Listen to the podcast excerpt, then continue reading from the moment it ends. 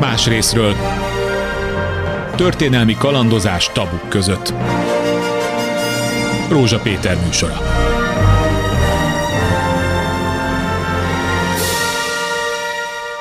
Jó napot kívánok! Egy idézettel kezdem a mai beszélgetésünket. A választási eljárási törvény elfogadásával megszűnt a polgári demokrácia és befejeződött egy autoritár rendszer kiépítése, pedig a kizárólagos hatalom birtoklást az alaptörvény is tiltja. Ezért, ha az alkotmánybíróság nem is állapítja meg addig az alkotmány ellenességet, egy következő országgyűlés minden olyan törvényt megsemmisíthet, amely az államcsínyt szolgálta.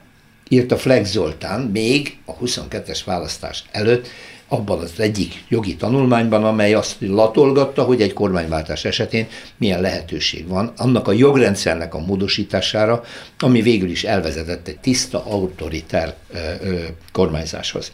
Ez nem jött létre, ez a választás nem történt meg, azóta pedig sokat vitatkoznak azon jogtudósok, társadalomtudósok, hogy az a jogi rendszer, ami egy teljesen zárt, és kényekedvenc szerint alakítható a parlamenti többsége által a Fidesz számára, az a jogrendszer örök érvényen megmarad, de nyilván nem, de hogy hosszú távon működőképes, vagy pedig támadható. Erről fogom már beszélgetni, és Flex Zoltán, alkotmányjogász, a jogtudós a vendégem. Szerbusz, jó napot kívánok! Szerbusz, jó napot kívánok! Öm, felvetődött az is, és akkor hadd idézzek egy másikat, jó? És kezdjük talán innen. Ferenc Jenő, szintén alkotmányjogász. Felvetette a Népszava egyik cikkében, hogy már maga az alaptörvény elfogadása is jogszabály ellenes volt. Ő azt mondja ebben a cikkében, hogy amikor a parlamenti vitára bocsátotta a Fidesz az, al- az alaptörvény szövegét, majd a vita után sor került a szavazásra, a szavazáskor egy másik szöveget raktak oda. Erről mi még soha nem hallottunk. Számodra ez világos?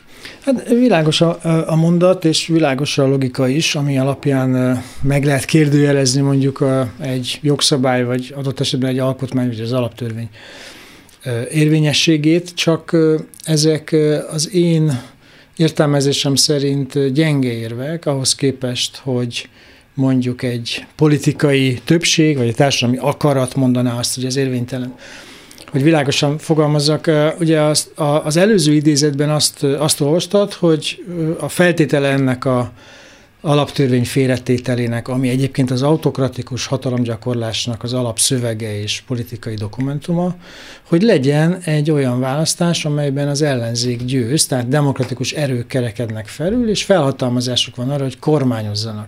És ha belátják, hogy nem tudnak kormányozni ilyen jogrendszerrel, vagy ilyen alaptörvényel, akkor azt meg kell változtatniuk, a technika nem fogja útját állni. De ez alapfeltétel. Uh-huh. Tehát azt mondani egy jogszabályról, hogy az azért nem használható, nem érvényes, nem lehet alkalmazni, mert valamilyen technikai hiba történt. Ellenben ott van mögötte a politikai akarat, a többség akarata, és nem mellesleg egyébként az ellenzék nem kiabált, hanem ezt egy, egy külső szakember vagy újságíró mondja, akkor ez azért nagyon gyenge, mert kívülről mi mondhatjuk azt, hogy ez a jogrendszer nem érvényes, sőt, mi ebben a kis könyvecskében, ami megjelent az, az átalakításról. Nagyon fontos könyv, a jogállam helyreállításának kísérlete címmel. El, el is mondjuk, hogy, hogy megkérdőjelezni az alaptörvény és a mögötte levő kétharmados jogszabályok érvényességét, azt egy fontos feltétele lehet, hogyha a demokratikus erők megnyerték a választást, tehát van egy társadalmi többség mögöttük.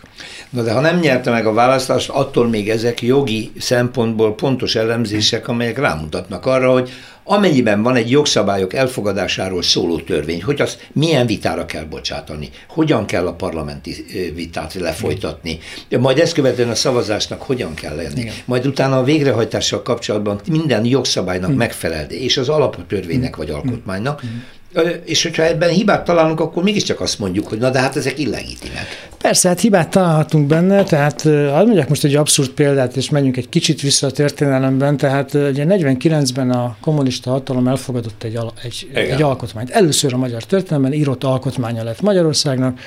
Mindenki pontosan tudta, hogy ez a szovjet alkotmányok, a sztálini alkotmánynak a másolása, az összes népi demokratikus országban hasonló szövegű alkotmányokat hoztak létre beleértve a hatalom egységét, a kommunista párt dominanciáját, a, a, az ideológiai ballasztokat, stb. stb. A 36-os szovjet sztálini alkotmánynak a másolása volt. Uh-huh. 1990-ig hatályban van. Igen. Miközben nyilvánvalóan a, a társadalom egy jelentős része ebben a hosszú időszakban súlyosan megkérdőjelezte ennek a alkotmánynak a megalkotási körülményeit, a politikai legitimitását és sok minden mást. Ettől még, ettől még több évtizeden keresztül a magyar bíróságok ennek a nevében hoztak uh-huh. ítéleteket, erre esküdtek fel azok is, akik nem értettek egyet vele, különböző állami szervekben. Ez alapján működött a jogrendszer, tehát ad abszurdum mondhatnánk, hogy 1989-ben hirtelen rájöttünk, hogy ez nem érvényes, és tiszta lapot tegyünk ide, és semmi nem érvényes, ami, ami a 49-es alkotmányból származik, de micsoda káosz lenne abból. E, amellett, hogy ez technikailag is lehetetlen, egy forradalmi jogalkotás soha nem tabularáza. Tehát nem lehet, mindig van valamilyen folyamatosság, vagy folytonosság, amit mi írtunk ebben a könyvben, vagy a mi logikánk az volt, hogy ezt az alkotmányos kontinuitást muszáj megtörni, de nem a jogrendszer kontinuitását törtük meg e, e, ezzel, hiszen Hanem. a jogrendszer egy csomó dolgot azért még folyamatosan működtet, és ez ugye nem lehet teljesen nullára írni egy, egy jogrendszert, hanem ugye azokat az elemeket, amelyeket az autokratikus szándék rakott bele a jogrendszerbe. Ugye mondok egy nagyon egyszerű példát, ugye nyilvánvalóan mindenkinek baja van a, a legfőbb ügyészség működésével. Igen. De hát az egy szakmai vita lenne, hogy a legfőbb ügyészség kormány rendelését, vagy parlamenti ellenőrzésének a modelljét választja-e majd egy, egy, egy demokratikus rendszer. Nyilván ehhez egy alkotmánymódosítás lenne szükséges, Igen. egy új alkotmány.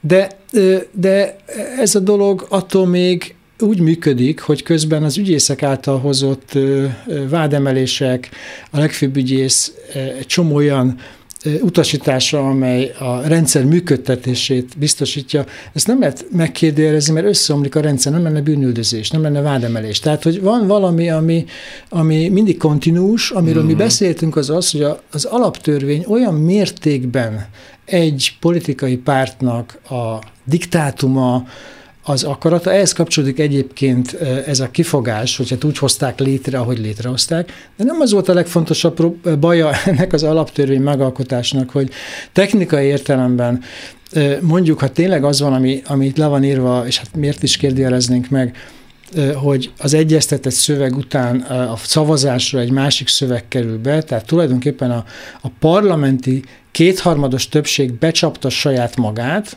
és ezt még a kisebbségben levő ellenzék sem vette észre, akkor ez egy hiba ugyan, de mekkora hiba ahhoz képest, hogy tartalmilag a, és a meghozatalának a körülményeit, az egyeztetés elmaradását, a vonaton egy, lep, egy, egy, egy iPad-en írt szöveget hoz létre olyan kirekesztő tartalommal, ami a társadalom egy részét nem tekinti a nemzet részének, Részévé. azt, azt ez sokkal súlyosabb hiba politikai értelemben. Az alkotmány, az alkotmány az csak kicsi részben jogtechnika, az nagy részben uh-huh. társadalom és politika. Tehát a legitimitását azt nem az adja meg, hogy teljesen tiszta volt a jogalkotás mechanizmusa, vagy nem volt tiszta, hanem az, hogy a társadalom elfogadta, vagy szó nélkül hagyta, ezáltal automatikusan az intézmények erre hivatkozva alkalmazzák, használják, mondok néhány lépcsőt, bocsáss meg, hogy közülágok, no, csak ugye ez igen. egyszerűbb legyen megérteni a dolgot. Ugye,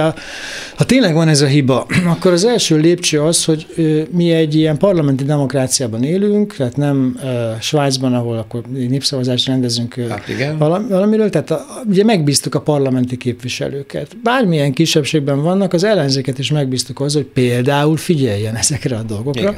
Tehát az első lépcső, amiben ez a szűrő nem működött, az az, hogy az alaptörvény bármilyen technikai hibában is él, az ellenzék nem tette ezt szóvá. Ad abszurdum a parlament megalakulásával felesküdött erre az alaptörvényre, tehát működteti ezt a e, rendszert, tehát hát legitimitást ad neki. Utána igen. a magyar bíróságok ezt alkalmazzák, a magyar joghatóságok ezt alkalmazzák, a társadalom e, elfogadja e szerint él, már nem az ideológiai elemek szerint, hanem kénytelen, ugye, hogy a házasságot kötünk, akkor végül is, ha szerződést kötünk, ott van a jogrendszer mögött, tehát senki nem kérdőjelezi meg a jogrendszer rendszer Magyarul működik. érvényesülését. Tehát, hogyha az lett volna, hogy az ellenzék abban a pillanatban elkezd kiabálni, hogy nem volt egyeztetés, nem legitim, még technikai hiba is van, nem fogadom el, kivonulok a parlamentből, és több százezer ember tüntet az alaptörvény ellen az utcán, uh-huh. akkor ennek az alaptörvénynek a legitimitása legalábbis kérdéses, az politikai erőviszonyok kérdése, hogy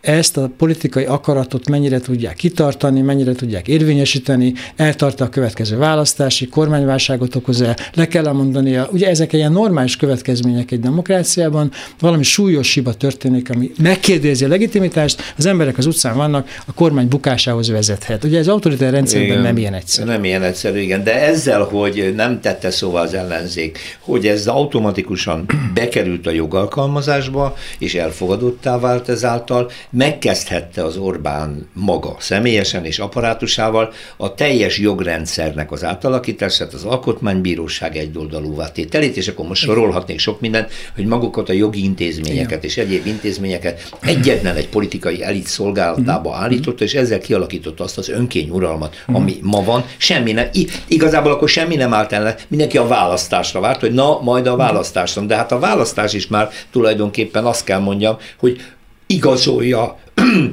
bármennyire is hibás volt a törvényalkotás, elfogad, még, még erősebben elfogadottá tette az al- alaptörvényt, mert hiszen az ellenzék belement a játszmába egy ilyen alaptörvény mellett. Ja, hadd mondjak még valamit, ami, ami hát egy lehetséges erő lett volna a, az alaptörvény ellen. Ugye ez maga a jogtudomány, a jogi elit, a jogász szakma.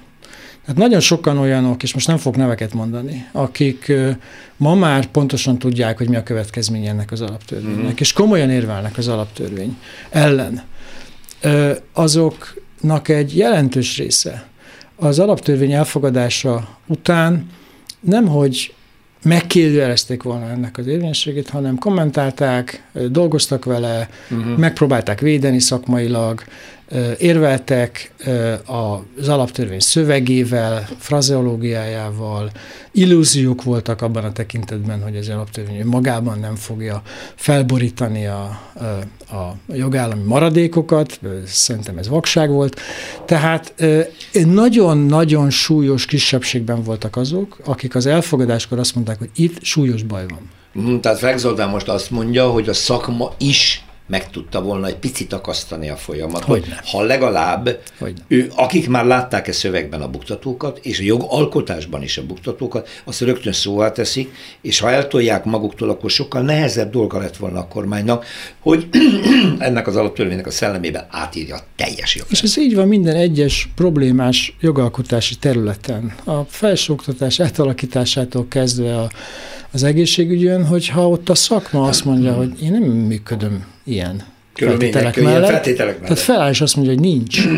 nincs, akkor nem, akkor nem járulok hozzá a dologhoz. Persze ez kockázattal jár, egzisztenciális kárai vannak ennek a dolognak, veszélyes. De ha semmi kockázatot nem vált semmilyen szakma el azért, hogy a saját érdekeit megvédje. Nem arról Pedig szó, még hogy... az elején még nem is volt olyan nagy az a kockázat. Most Igen. már látjuk a tanárok esetében, Igen. hogy itt valóban egzisztenciális kockázat van. A kormány most már hatalma teljes birtokában, packázhat velük 120 ezeres társadalmi csoporttal nyugodtan, mert ennek már biztos nem Minden lehet. pontosan ugyanúgy zajlott, hogy annak idején mondjuk a felsőoktatás átalakítása, annak a következményeit most már eh, lehet látni.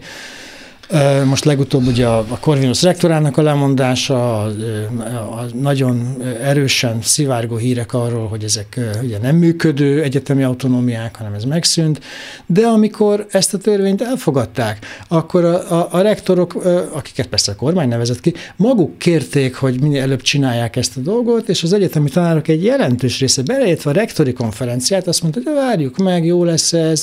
Na most hát ez a logika, én nem most így visszamenőleg is azt gondolom, de akkor is azt gondoltam, hogy ez az alávetés logikája, ez az alávetés kultúrája. Csináljon velünk a hatalom, amit akar.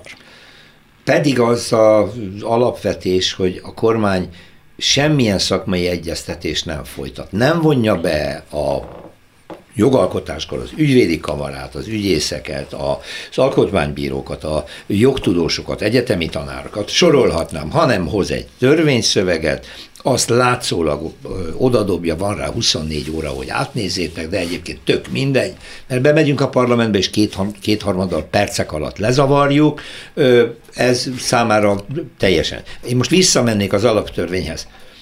Nem volt semmiféle különösebb kényszer 2010-ben, ami a Fidesz számára hát ugye megteremtette volna azt a lépéskényszert, hogy meg kell csinálni egy új alkotmányt. Nem volt ilyen a levegőben. Pláne nem, hogy azonnal. ha már viszont hozzákezded, e fel sem merült a Fideszben, hogy ezt egy társadalmi vitára bocsássa. Sem a kész szöveget, sem a koncepciót, sem egyáltalán a tényt, hogy legyen-e új alkotmány. Nem volt semmiféle kényszerítő erő arra, hogy ezt népszavazással fogadtassa el. Legalább. Már akkor érezhette Orbán, hogy anélkül is tökéletesen átvisz mindent. Ebben a tekintetben azt kell mondjam, hogy 2010-ben még jogállam voltunk, de ez a jogállam ezek szerint oly törékeny, hogy jön egy erős ember, és mindent felrukhat. Igen. Ez egy gyenge demokratikus hagyományokkal rendelkező ország, amiben az következik, hogy a jogállami formák belül nagyon gyengék és félig meddig üresek.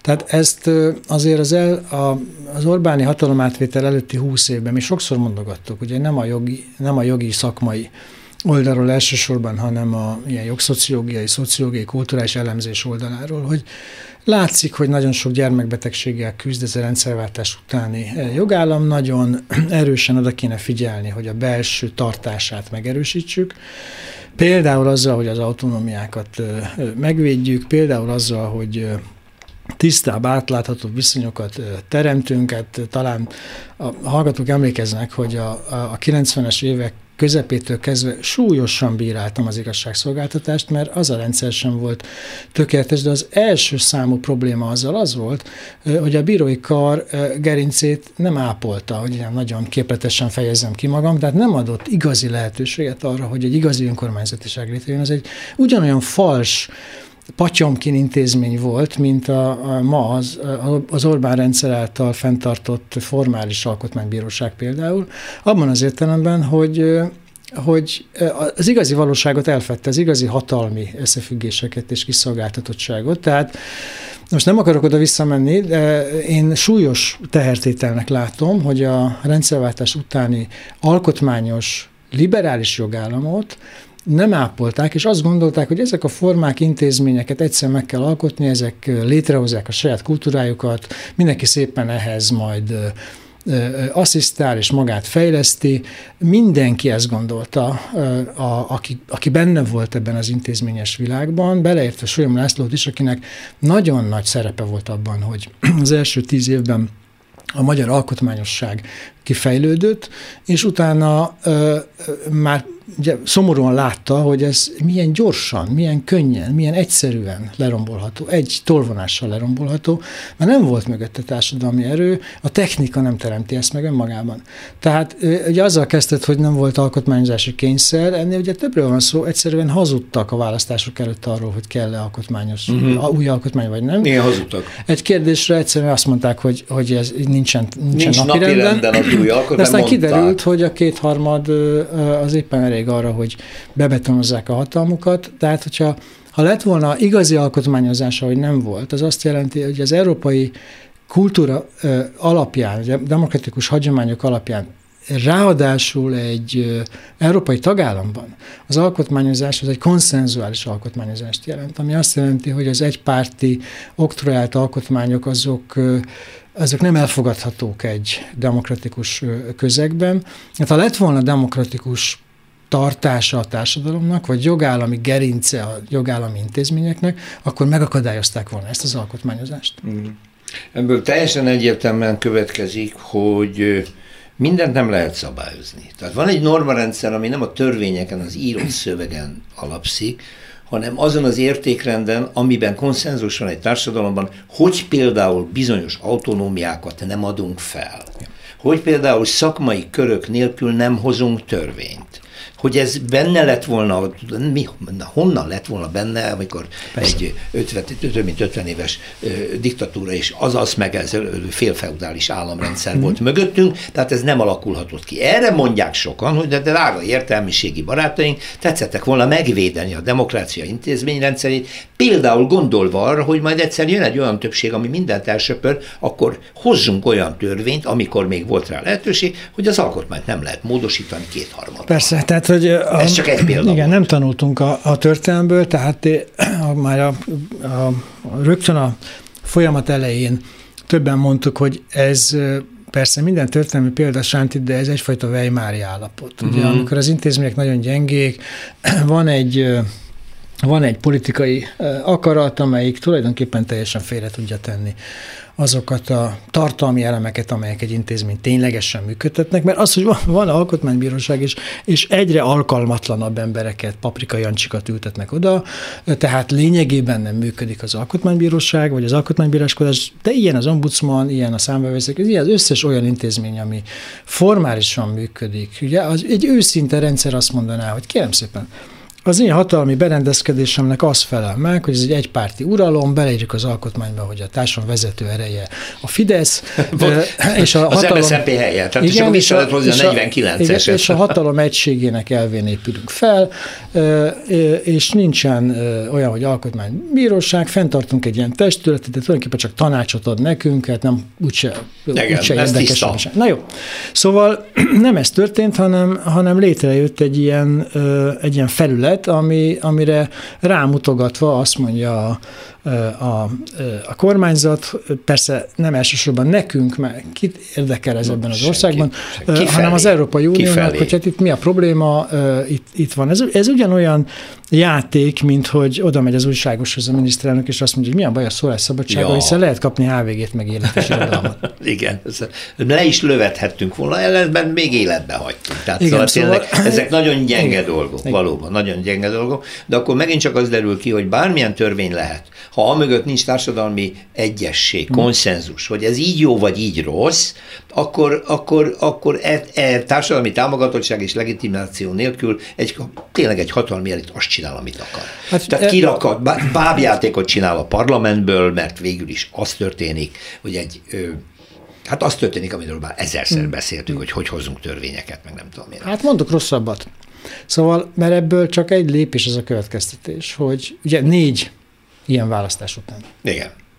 Hogy az a dolog, ami 2010-ben azonnal létrejön az intézményes struktúrában, létrejön az ideológiában, létrejön a hatalom működtetésében, az autonómiák megvonásában. Tehát ez nem olyan, hogy, hogy így nagyon-nagyon lassan történt a dolog. Ugye sokan mondják ezt a, ezt a megfővő béka hát azért ez, Na, de ez nagyon gyorsan ez történt. Nagyon gyors ez nem, volt. Történelmi értelemben ez egy pillanat volt, hogy, és hát azért őszintén szó... Az Orbán megszondázott néhány neuralgikus területet, és látta, Igen. hogy nincs különösebben nem. erős reakciót, Igen. gyorsan végrehajtotta. Emlékezzünk a filozófusok perére. Igen. Egyszerűen azzal megszondázta az Orbán kormányzat, hogy ha belenyúl az értelmiségi méghasba, akkor mitől? Semmi nem történt. Megeszik egymást. Meg, hagyta is az egészet Igen. a fenébe, ugye kiderült, hogy minden hamis volt, amit velük szembe felhoztak, de akkor nem is volt fontos, mert csak annyi volt a fontos, hogy lássa, hogy nincs társadalmi fölhördülés, bármit csinál. De arra alkalmas volt egyébként, hogy mondjuk egy ilyen értelmiségi körben a egyébként is gyenge integrációt tovább rombolja. Tehát arra ha, ha igen. arra kerül a sor, hogy össze kell fogni mondjuk a hatalom, mert nem lesznek képesek, mert már mert szétcincáltuk őket. De hadd mondjam, el ezt a, hadd mondjam el ezt a súlyos következtetést, ami Nos. ugye dilemma, hipotézis, csak hát elég erős. Hogy hát a négy választások után miközben lehet látni, hogy a hatalomgyakorlás milyen. Nem arról van ez szó, hogy nem egyszerűen csak az értelmiség, a szakmák, a szervezetek és mondjuk az ellenzék tehetetlen, hanem az a dolog, ami létrejött, egy autokratikus berendezkedés, a szabadság hiányos állapotok, ez a társadalom állapotát tükrözi. Ezt akarja a társadalom. A magyar társadalom ezt választotta. Ez az a dolog, ami, ami működik. Vagy elfogadta. Elfogadta, az most ebben a szemben majdnem Aha. mindegy, tehát képes működni. Képes ö, úgy működni, hogy közben a, az autonómiákat kiszedik, és nem bizonyította a rendszer, hogy egyébként szakpolitikailag teljesen rendben van. Tehát, hogy mondjak egy ilyen, a, a, a politológia szakmában ismert kategóriát, hogy nem jó szándék autokráciáról van szó. Ugye, ami azt csinálja, hogy mérsékli az egyenlőtlenségeket, fenntartja a magas szintű egészségügyet, jó oktatási rendszert működtet. Közben persze nincsen szólásszabadság, meg nincsen politikai hatalomgyakorláshoz köze az állampolgárnak, de cserébe kap egy jólétet. Működik a rendszer. Így ez nincsen. Tehát nem, ugye ezek nem úgynevezett benevolent autokraszik, hanem, hanem egy leépülő egészségügyi rendszer mellett elküldik az emberek meghalni a szüleiket a kórházba. Pontosan tudják, hogy az, az, egy, az egy fekete lyuk. Elküldik a gyerekeiket egy olyan iskolába, ahol már nincsenek tanárok. És ott maradnak a tanárok, állnak az ebrán a táblával, ott maradnak a tizenévesek, de a szülők tömegei nem tekinti botránynak azt, ami történt. Azért tekintette annyira botránynak, amennyire az elmúlt hónapokban láttuk, mert elérte a középosztályi fővárosi gimnáziumokat az a probléma, de egyébként évek óta vidéki iskolákban probléma a pedagógus. Tehát, hogy megalázó fizetéseket. Hagyják megalázni a saját kollégáikat. Mindenféle kompromisszumokat kötnek. Szóval még egyszer mondom, nem arról van ez szó, hogy egy ilyen rendszer nagyon könnyen létrejön, egy autokratikus fordulat nagyon könnyen létrejön olyan országban, ahol nemhogy a demokratikus, jogállami, liberális intézményrendszernek nem volt hagyománya, hanem a jogegyenlőségnek sem. A társadalmi szerződésnek viszont igen, mert hogyha most már Flex Zoltán ezt említette, akkor engedd meg, hogy még visszább nyúljak. Ugye a kádári rendszer kényszerű szerződés kötése abban nyilvánult meg, hogy 56-ból valamit tanulva felkínálta azt, hogy te ne szólj be a politikába, ez a híres prágai mondás, értelmiségi mondás, hogy te nem szólsz bele a politikába, én meg engedem, hogy legyen neked vikentelked. Magyarul, hogy én adok neked viszonylagos biztonságot, viszonylagos jólétet, fokozatos kis em- egzisztenciás emelkedést, de te menjél távol tőlem, mm. én intézem a nagy politikát. Mm. És ebbe a társadalom belement. Frigider szocializmus, stb. Tehát volt, a Fidesz nem kínált felszerződést. A Fidesz kialakított egy klientúra rendszert, jól tartva a választóit egyrészt ideológiával, másrészt pénzzel és javakkal, de nem kínálta fel azt, amit az imént említettél. Mert azt is mondhatjuk, hogy a kelet-európai hagyományok szerint biztosítja számunkra, hogy a gyerek tanulhat, az egészségügy jól működik, utazhatok külföldre, lehet vállalkozást hm. csinálni, nem is adóztat túlságosan. Mi bajom van? Nekem azt csinál a politikával. Bánom is én, hogy állandóan vegzálja Brüsszelt akkor de, de ilyet nem kínált föl. Hát milliók élnek komoly egzisztenciális Persze. hátrányok közepette, jog és egzisztenciális hátrányok közepette. Igen, amit mondasz, az, az részben igaz, de azért azt is hozzá kell tenni, hogy egészen mostanáig a középosztály, ami persze elég szűk, de a hangadó társadalmi Igen. erő a társadalomban, nem járt rosszul ezzel a rendszerrel. Tehát azért a középosztályi egzisztenciális biztonság az, az az, az magas maradt e, egy darabig. Ugye most ez már nem olyan biztos, mert most az európai baj. források igen, kiesésével sok minden veszélybe került. Tehát ugye most, most nagyon egyszerűen fogalmazva, mi megtehetjük, hogy elmegyünk a magánrendelőkben, magánvalósokat oh. keresünk. Most már az is kezd problémás lenni, mert ott is időpontokat nehéz kapni, és ott is onnan is eltűnnek az orvosok, és hiába van jó felszerelt magánkor, nincsenek ápolónők, stb. stb. Tehát most kezd érződni az, hogy ez a én mégiscsak azt mondanám, hogy egyfajta szerződési ajánlat a középosztálynak a kezd felbomlani, mert nem tudja teljesíteni ezeket. De ami a fiatalokat illeti, az értelmiségét illeti, az ajánlat a következőképpen hangzott. Vagy itt maradsz, és akkor alkalmazkodsz, vagy elmész, és elmentek. És elmentek. Hát ezt akarom mondani. Tehát nagyon sokan elmentek. Tehát, hogy, hogy a dolog sok szempontból sok kicsi szerződéssel mégiscsak úgy alakult, hogy ezt a dolgot tolerálták. Most akikről beszélsz, akik tragikus módon a társam alászorult underclass, tehát hogy tényleg komoly problémák vannak, és ugye a tűzi, tűzifától kezdve az alapvető élelmiszerig, azoknak a hangjuk nulla, és ez, ez egy autoritár rendszerben nulla is marad. A képviseletük nulla. nulla is marad. Ezeknek mindig gyenge hangja volt, de nincs képviseletük. Hát erős. Igen. Tehát itt, itt megint visszakanyarodunk ahhoz, hogy bocsánatot kérek, de ezeknek az embereknek a sorsát csak azok tudják napirenden tartani, hogy legalább a közgondolkodásban mm. maradjon, akiknek van rá lehetősége, vagy a parlamentben ülnek, vagy az önkormányzatiságban vannak benne, de hát ez nem történik. De van meg. még egy összefüggés, ami, ami nem magyar sajátosság, és minden autokratikus rendszer jól kihasználja ezt. Ez pedig az, hogy azok szavaznak a leghatározottabban az autokratikus rendszer fennmaradása mellett, akik a legnyomorultabbak. És ez, ez mindig így van. És ehhez, és, ehhez, és ehhez kell a manipuláció, kellenek az óriásplakátok. Tehát nem véletlen, van, igen, nem igen, véletlen a, az, hogy az első intézkedése az volt az Orbán kormánynak, vagy az Orbán rezsimnek, hogy, hogy a médiát elfoglalta, vagy legalábbis azokat Ez a stratégiai pontokat. Tehát ugye most itt nagyon nem akarok nagyon marxizálni, de azért mégiscsak arról van szó, hogy a gazdasági eh, nyomor egy ideig, óráig elfedhető azzal a hegemonikus tudattal, hogy itt azért tulajdonképpen tele vagyunk ellenséggel, a nemzet erejét az védi meg, bár mi éhezünk, az védi meg, hogy minket az európai eh, plutokratáktól eh, megvéd a És, és ugye azért, azért évek óta működik a bevándorlás ellenességnek a toposza. Ugye nem is kell hozzá bevándorló, tudjuk. Igen. Egy korszakkal korábban ugyanígy működött az antiszemitizmus most nem kell hozzá zsidó feltétlenül. Tehát, Igen. hogy ez a dolgok ö, rendje, hogy a legnyomorultabbakat, a legtanulatlanabbak, a legerősebben kiszolgáltatott embereket, azokat nagyon könnyű manipulálni, és akkor hadd mondjak még valamit, hogy azért az is egy történelmi adottság, hogy ez az ország nem egy, hanem legalább kettő.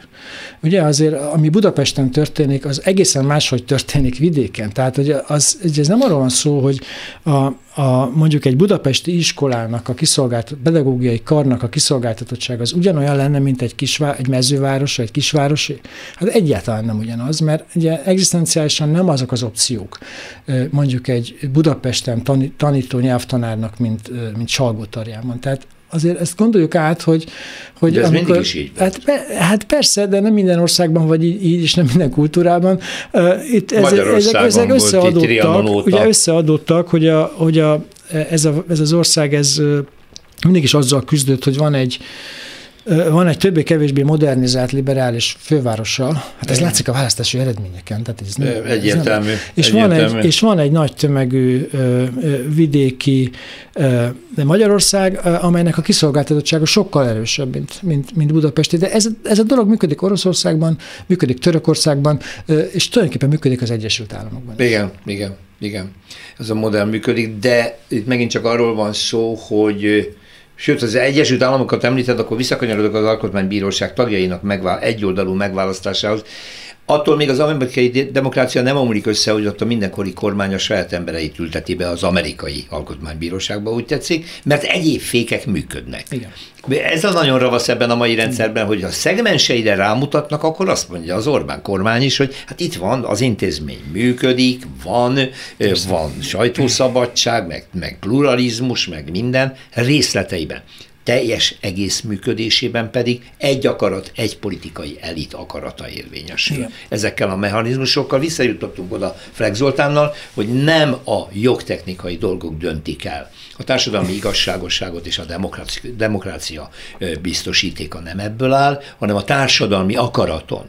És most te azt mondtad ki, ami egy roppant súlyos dolog, hogy azért Magyarországon egy jelentős többségben nincs meg az akarat a demokratikus rendszer fenntartására, mert az sok munka, kényelmetlen, nagyobb felelősség hárul az állampolgára, végezzel a dolgát az, az ember, aki ottan ül a miniszterelnöki székben, meg a többiek, és hát én meg hadd éljem az életemet. Kész, ennyi az egész. Jó, hát nyilván vannak olyan pontok, amelyek egy magyar társadalom számára is elfogadhatatlan, morálisan megkérdőjelezhető, és és akár még tömegek is kimehetnek a, az utcára, elveszti a legitimitását egy kormányzat. Ezért aztán például a kormányzat arra építi az egyik legitimációs érvét, ami 56-tal kapcsolatos egyébként, és aztán a 2006-os véres eseményekkel, amire épül azt mondja, hogy ő nem alkalmaz erőszakot. Ugye most egy picit kicsúszott ezzel a diákokat szembefújjuk könygázzal eszközzel, tehát máshogyan alkalmazza az erőszakot. Má, ugye más módon, ha odafigyelt valaki, akkor láthatta, hogy amikor, amikor kellett erőszakot alkalmazni, akkor az privatizálta. Ugye akkor jöttek a foci útránk, akik elvégezték a piszkos munkát.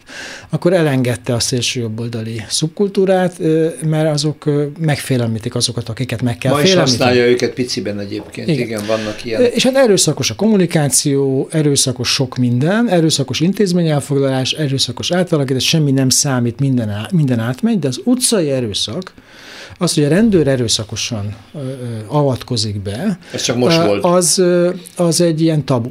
Tehát a magyar társadalom egy dologra valószínűleg érzékeny lenne az erőszak alkalmazására, ezt pontosan tudja az Orbán rendszer. Azt, ugye azt mondják sokan, hogy abban a helyzetben, amikor, amikor nagyon-nagyon súlyosá válik, tehát nem lehet finanszírozni ezt a érzékeny egyensúlyt, a, még nem halunk éhen, tehát Aha. elviseljük a, azt, hogy itt nekünk egy ideológiával betömik a szánkat, és örülünk, hogy az. Mert azért egy idő után az van, hogy jó, jó, nem jönnek a bevándorlók, meg megállítottuk Brüsszelt, de hát nincs sör a hűtőben, nem tudok urvát venni hát, gyereknek, és nincs, és nincs a dolog, cipő, és nem most, tudok el, most, ugye, de, ez, ettől most retteg a kormány, mert nincs igen, pénz. Most tényleg Szóval nincs erről van szó, hogy, hogy van ez a dolog, amit senki nem akar előállítani de hát nagyon nagy a tűrőképessége a kelet-európai, kelet-európai társadalom. Már, hogyha az erőszakról visszautalhatok, akkor azt gondoltuk, hogy az a megtorlás, amit a tanárokkal szemben alkalmaztak a tankerületek, hogy a tüntetések okán gondolkodás nélkül elkezdtek kirugdalni embereket, Igen. Egyébként törvénytelenül, mert a munkaügyi bíróságokon kiderül, hogy törvénytelen volt, nincs jogalapjuk erre az elbocsátásra, mindegy, hogy ez már azért az erőszaknak az a szintje, amire fölhördül a társadalom, nem érdült fel. Nem érdült fel, azért nem egyébként, hogy azért sem, mert, mert ezek, ezek ilyen összeadódó erőkként tudnak botrányt okozni. Tehát amikor egyszerre az van, hogy mondjuk egy pedagógus, mondjuk egy 50 fős pedagógiai, vagy 50 fős tanári karból egy iskolában, kirúgnak tizet, és akkor a másik 40 azt mondja, hogy oké, okay, akkor én is felálltam, vállalom a kockázatot, nincs iskola tovább. Volt összefogás? Volt ilyen típusú integráció? Csak a megosztás működik. Csak az merül. működik, hogy ha te ellenállsz, egyedül maradsz. Ha te ellenállsz, persze vállalhatod, ez nagyon szép, akarsz-e hős lenni, elveszted az állásodat. Tehát ugye az, hogy kimennek az utcára néhányan, és még fenn is tartják ezt a dolgot, semmi ahhoz képest, hogy azt mondta volna a, a, a, egyszer csak a, a, a pedagógiai kar, vagy a szakszervezet, vagy bármi, hogy kész, megálltunk, nincs tovább. Nem működik. Ez... Általános sztrájk van. Nincs. Nem, műk, nem, nem csinálunk. Egyik iskolába se tudsz bemenni. Érdekes ez, mert ugye amikor az első demokratikusan megválasztott kormány szembenézett a taxis blokkáddal, Igen. akkor azt lehetett látni, hogy ez a társadalom bármennyire nem rendelkezik demokratikus hagyományokkal, óriási erőt képes felmutatni akkor, ha pofán verik egy központi intézkedéssel, ami véletlenül nagyon sok embert felháborított. A benzin árával. Igen, én, ma, akkor hát, éppen melyik a volt a legnagyobb tüntetés az Orbán kormány idején? Az internetadó. Az én létszámban nem szerintem az alkotmány elfogadásának ünnepén nagyon ahhoz volt. A téthez képest a, az, az kevés. A téthez képest lehet, hogy kevés. De az igazi közbotrány az, az valamilyen értelemben egy gazdasági, egzisztenciás dolog okozhatja. Csak egy, egy, egy dolog van, hogy ezek mindig bizonyos szakmákat érintenek. Az egészség, orvosokat, egyetemi oktatókat, közoktatásban dolgozókat, szépen lassan le lehet faragni minden, minden ilyen társadalmi összefogást. Azért a magyar társadalom szolidáris, szolidaritásban hiány, hiány szenved. Aha, de most van egy érdekes paradox, ami nekem most felvetődött bennem. Az egész csak kommunikáció kérdése. Ott volt a vizitdíj, ami a szocialista kormány egy elhibázott, rosszul kommunikált lépése volt, és ennek az okán a Fidesz egy olyan úgynevezett szociális népszavazást tudott kierőszakolni, amivel lényegben borítékolta, hogy győzni fog a következő választáson. Ami azt mutatja, hogy egy ilyen 100 forintos nyavajával is meg lehet csinálni. uh-huh akkor ez a társadalom mégiscsak alkalmas lehetne arra, hogy most, amikor még súlyosabb problémák és terhek adódnak, valaki megmozgassa őket, de nincs aki megmozgassa. Hát ebben biztosan igazad van, hogy, hogy az ellenzék olyan állapotban van, amilyen állapotban látjuk, hogy van. Tehát, ugye Tehát ellenzékből nyilván, a Fidesz persze, képes volt persze. egy gyakorlatilag egy választási győzelemmel felérő népszavazási győzelmet alatni. Jó, ugye azt az teljesen világos, hogy a, a szociális populizmussal azért sok mindent el lehet érni, mert Igen. lássuk be, hogy ez nem volt más, csak egyfajta Abszolút. lufi, amit politikai célokra használtak, de a, e, ezek a típusú érvek, amit politikai hatalomszerzés, vagy hatalom megtartásának, vagy növelésének a céljából lehet használni, a Fidesz agyonra használta. Ugye ez, erre épül a politikája. Tehát én nekem nagyon erős kétségeim vannak, hogy az ellenzék milyen populista technikája az, az, az célra vezető lenne mert ebben, ebben jobbak. Tehát, hogy ebben, tehát szóval az a, az a helyzet, Szerintem hogy, is verhetetlen. Ez, az a helyzet, hogy bármikor tud, bármikor tud olyan ellenhúzást. Most nem is beszélve arról, hogy hát könyörgöm, az övék a választási bizottság. Melyik, alkotmány, mely, melyik népszavazási szöveg menne át? Az, azon, tehát egy idő után... Most már szóval, ez, ez már nem Szóval érted, tehát, hogy ez, ez, kiépült a teljes... Ez akkor még működött volna egy pár hónapig, de pillanatok alatt eluralták az egész rendszer. Tehát, tehát ö, olyan módon ö, vonták ki a levegőt az összes lehetőségből, hogy az ellenzék most túl azon, hogy szervezetileg, politikai kultúráját tekintve, személyileg egyelőre sem a, széttart, sem a különindulással, sem az összefogással semmilyen eredmény nem tudott elérni, nem találják a fogást a rendszeren.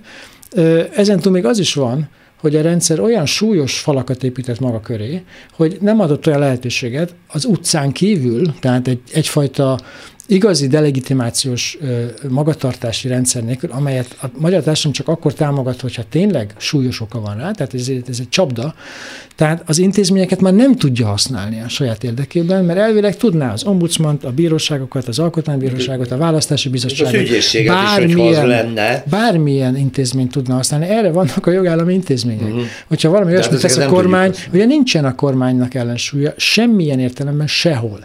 Nincsenek társadalmi erők, szakszervezetek, eh, kamarák, egyesületek, civil társadalom módszeres harcot folytatott a civil politizálás Igen. ellen. Tehát, hogy azért itt eh, súlyosan felé felépült egy autokratikus rendszer, ezzel kezdtük a beszélgetést, aminek a kikezdése, aminek a, a politikai megkérdőjelezése, az nem csak technikailag nehézkes és problémás és nem legitim, ez így nem tudunk rajta fogást találni, hanem társadalmi, politikai értelemben is nehéz, mert a magát. Most a számokat tekintem, és akármelyik választásnak az eredményét nézem, az agresszív kommunikációra épülő politizálása ennek a kormánynak, amivel a társadalom különböző csoportjai kiszorítja a, a, a, a döntéshozatalból, kiszorítja az egzisztenciális körökből, kiszorítja, stb. stb. Ez létszámban ha, nagyobb, de minimum ugyanakkora, mint a választói támogatottsága. És akkor mi kell jó, nyilván tehetséges ellenzék kellene hozzá, no de egy ekkora társadalmi erő önmagában mégiscsak potenciálisan azt a lehetőséget hordozza, hogy egyszer elég. Hm. És akkor utca. Hm. Akkor utca, akkor, akkor ellenállás, akkor sztrájk, akkor bén, megbénítása az életnek, tehát valamilyen tiltakozása a civil társadalomnak el kellene, hogy jöjjön, erre reményünk nincsen. Erre tudom, hogy azt szokták mondani, hogy a néplélek ilyen, meg a néplélek olyan. Itt nem erről van szó, hogy új korszakban vagyunk. Valószínűleg nincsenek olyan eszméink, kiejtve kiüdés, kiüresített szót, hogy demokrácia senkit nem érdekel. Nincsenek új fogalmak, nincsenek új célképzetek, hogy ebben a világméretű átalakulásban, mert az van, átalakulásban mi az, ami nekünk számunkra egy békés, nyugodt társadalmat hozhatna? Nincs. Hát igen, szóval... jogászkodhatunk továbbra nem, is. Nem, csak... ez nem érdemes. Tehát én is azt gondolom, hogy nem a jog fogja megoldani ezt a igen. problémát. Abszolút nem a jog. Tehát, hogy mi ezt a, ezt a kötetet letettük az asztalra, mert volt egy pillanat, amikor azt gondoltuk, hogy a politikai feltételei, ha minimális is, de megvannak annak, hogy a dolog politikailag elinduljon, és akkor a jog ne akadályozza ezt a dolgot. Uh-huh. De a jog magában nem fogja előállítani a változást. A társadalmi változás, vagy politikai változást. Először annak kell bekövetkeznie. Hogy, vált, hogy, hogy ez választáson következik-e, vagy nem, az most már nagyon kérdéses. Igen. Tehát az utolsó szabad választás az 2010-ben volt.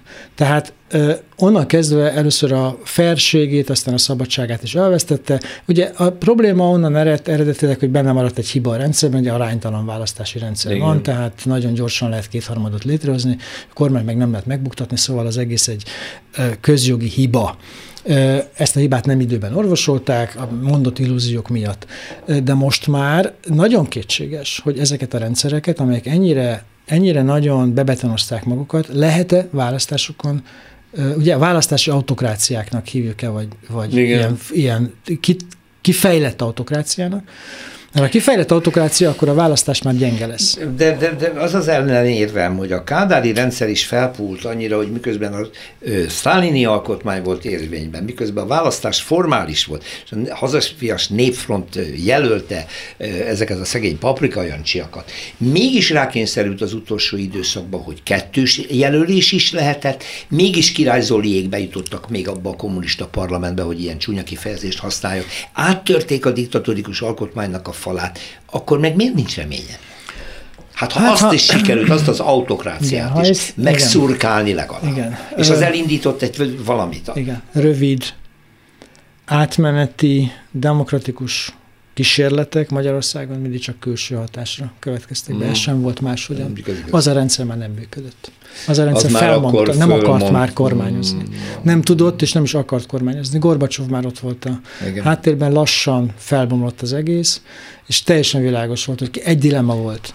A dilemma az az volt, hogy ez a dolog mennyire tud békésen történni, ugye román vagy, vagy, vagy más erőszakos mintát követünk, vagy más mintát, nyilván Legalább egy bársonyos ebben, forradalmat. Ebben, ebben a, az MSZMP reform irányzatának nagyon erős szerepe volt, hogy az asztal mellé leült, és képes volt akármilyen módon is, de egy elit paktumot létrehozni, amiben, amiben a békés átmenet volt kódolva.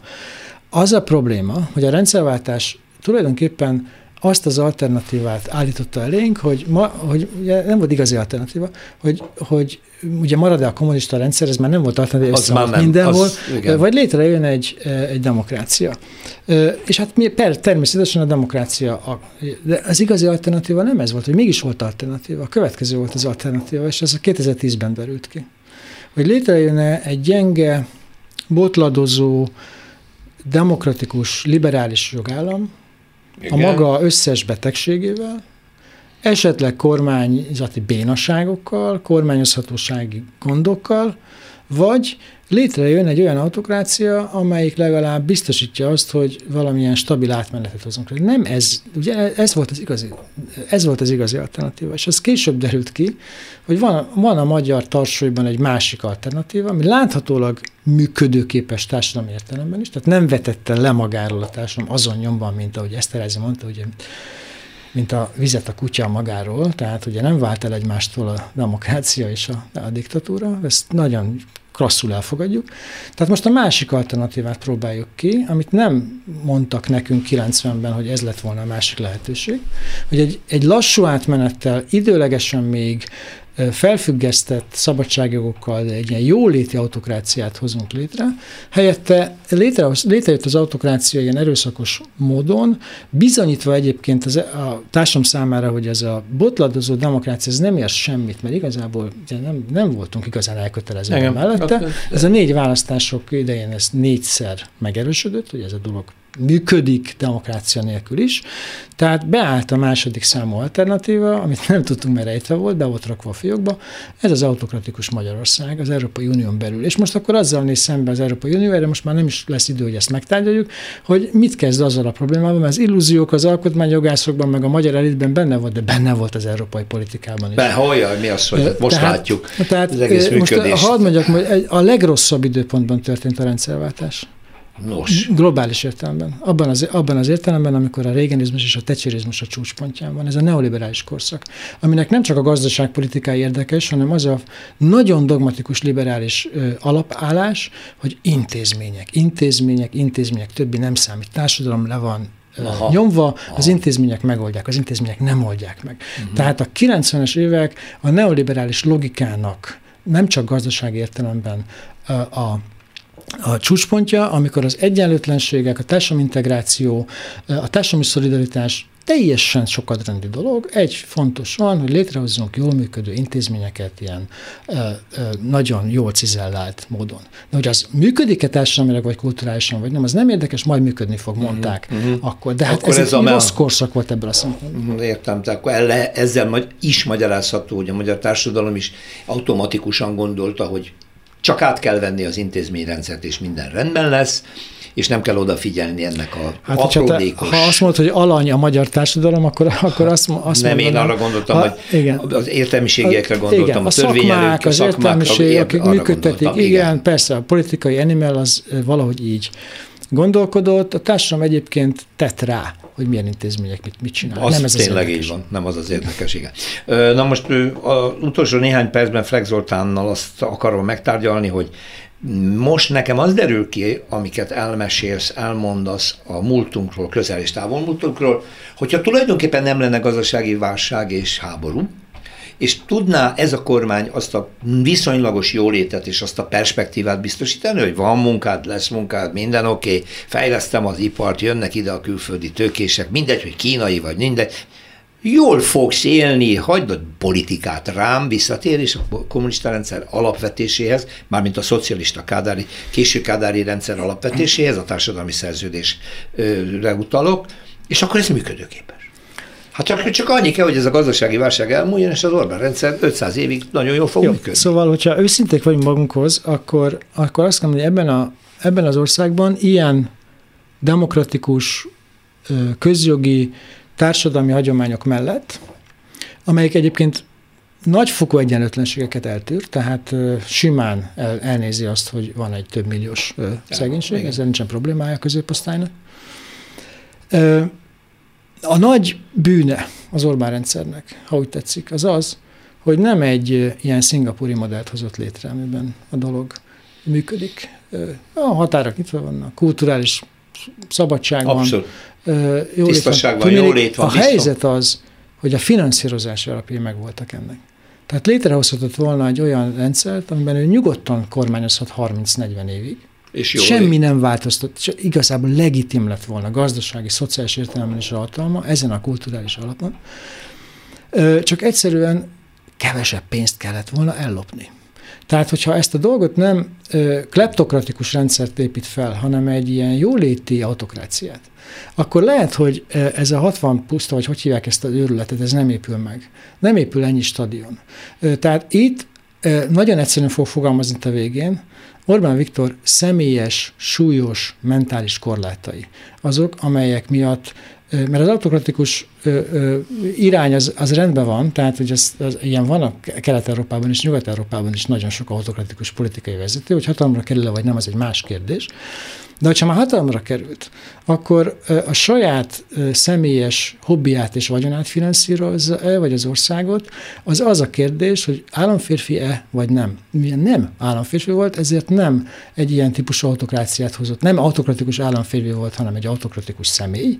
Uh-huh. Ezért egy olyan rendszert hozott létre, amely, amely ebben az értelemben törékeny, előbb-utóbb erőszak alkalmazására kényszerül, mert óriási lesz a társadalmi feszültség, nem tudja finanszírozni a társadalmi nyugalmat, Eddig tudta az európai pénzekből, tehát az Európai Unió dilemmája az, hogy, hogy belelöki-e egy ilyen bizonytalan társadalmi helyzetbe az országot Európai Uniós tagállamként, vagy annyit fog finanszírozni, hogy éppen csak túlélje.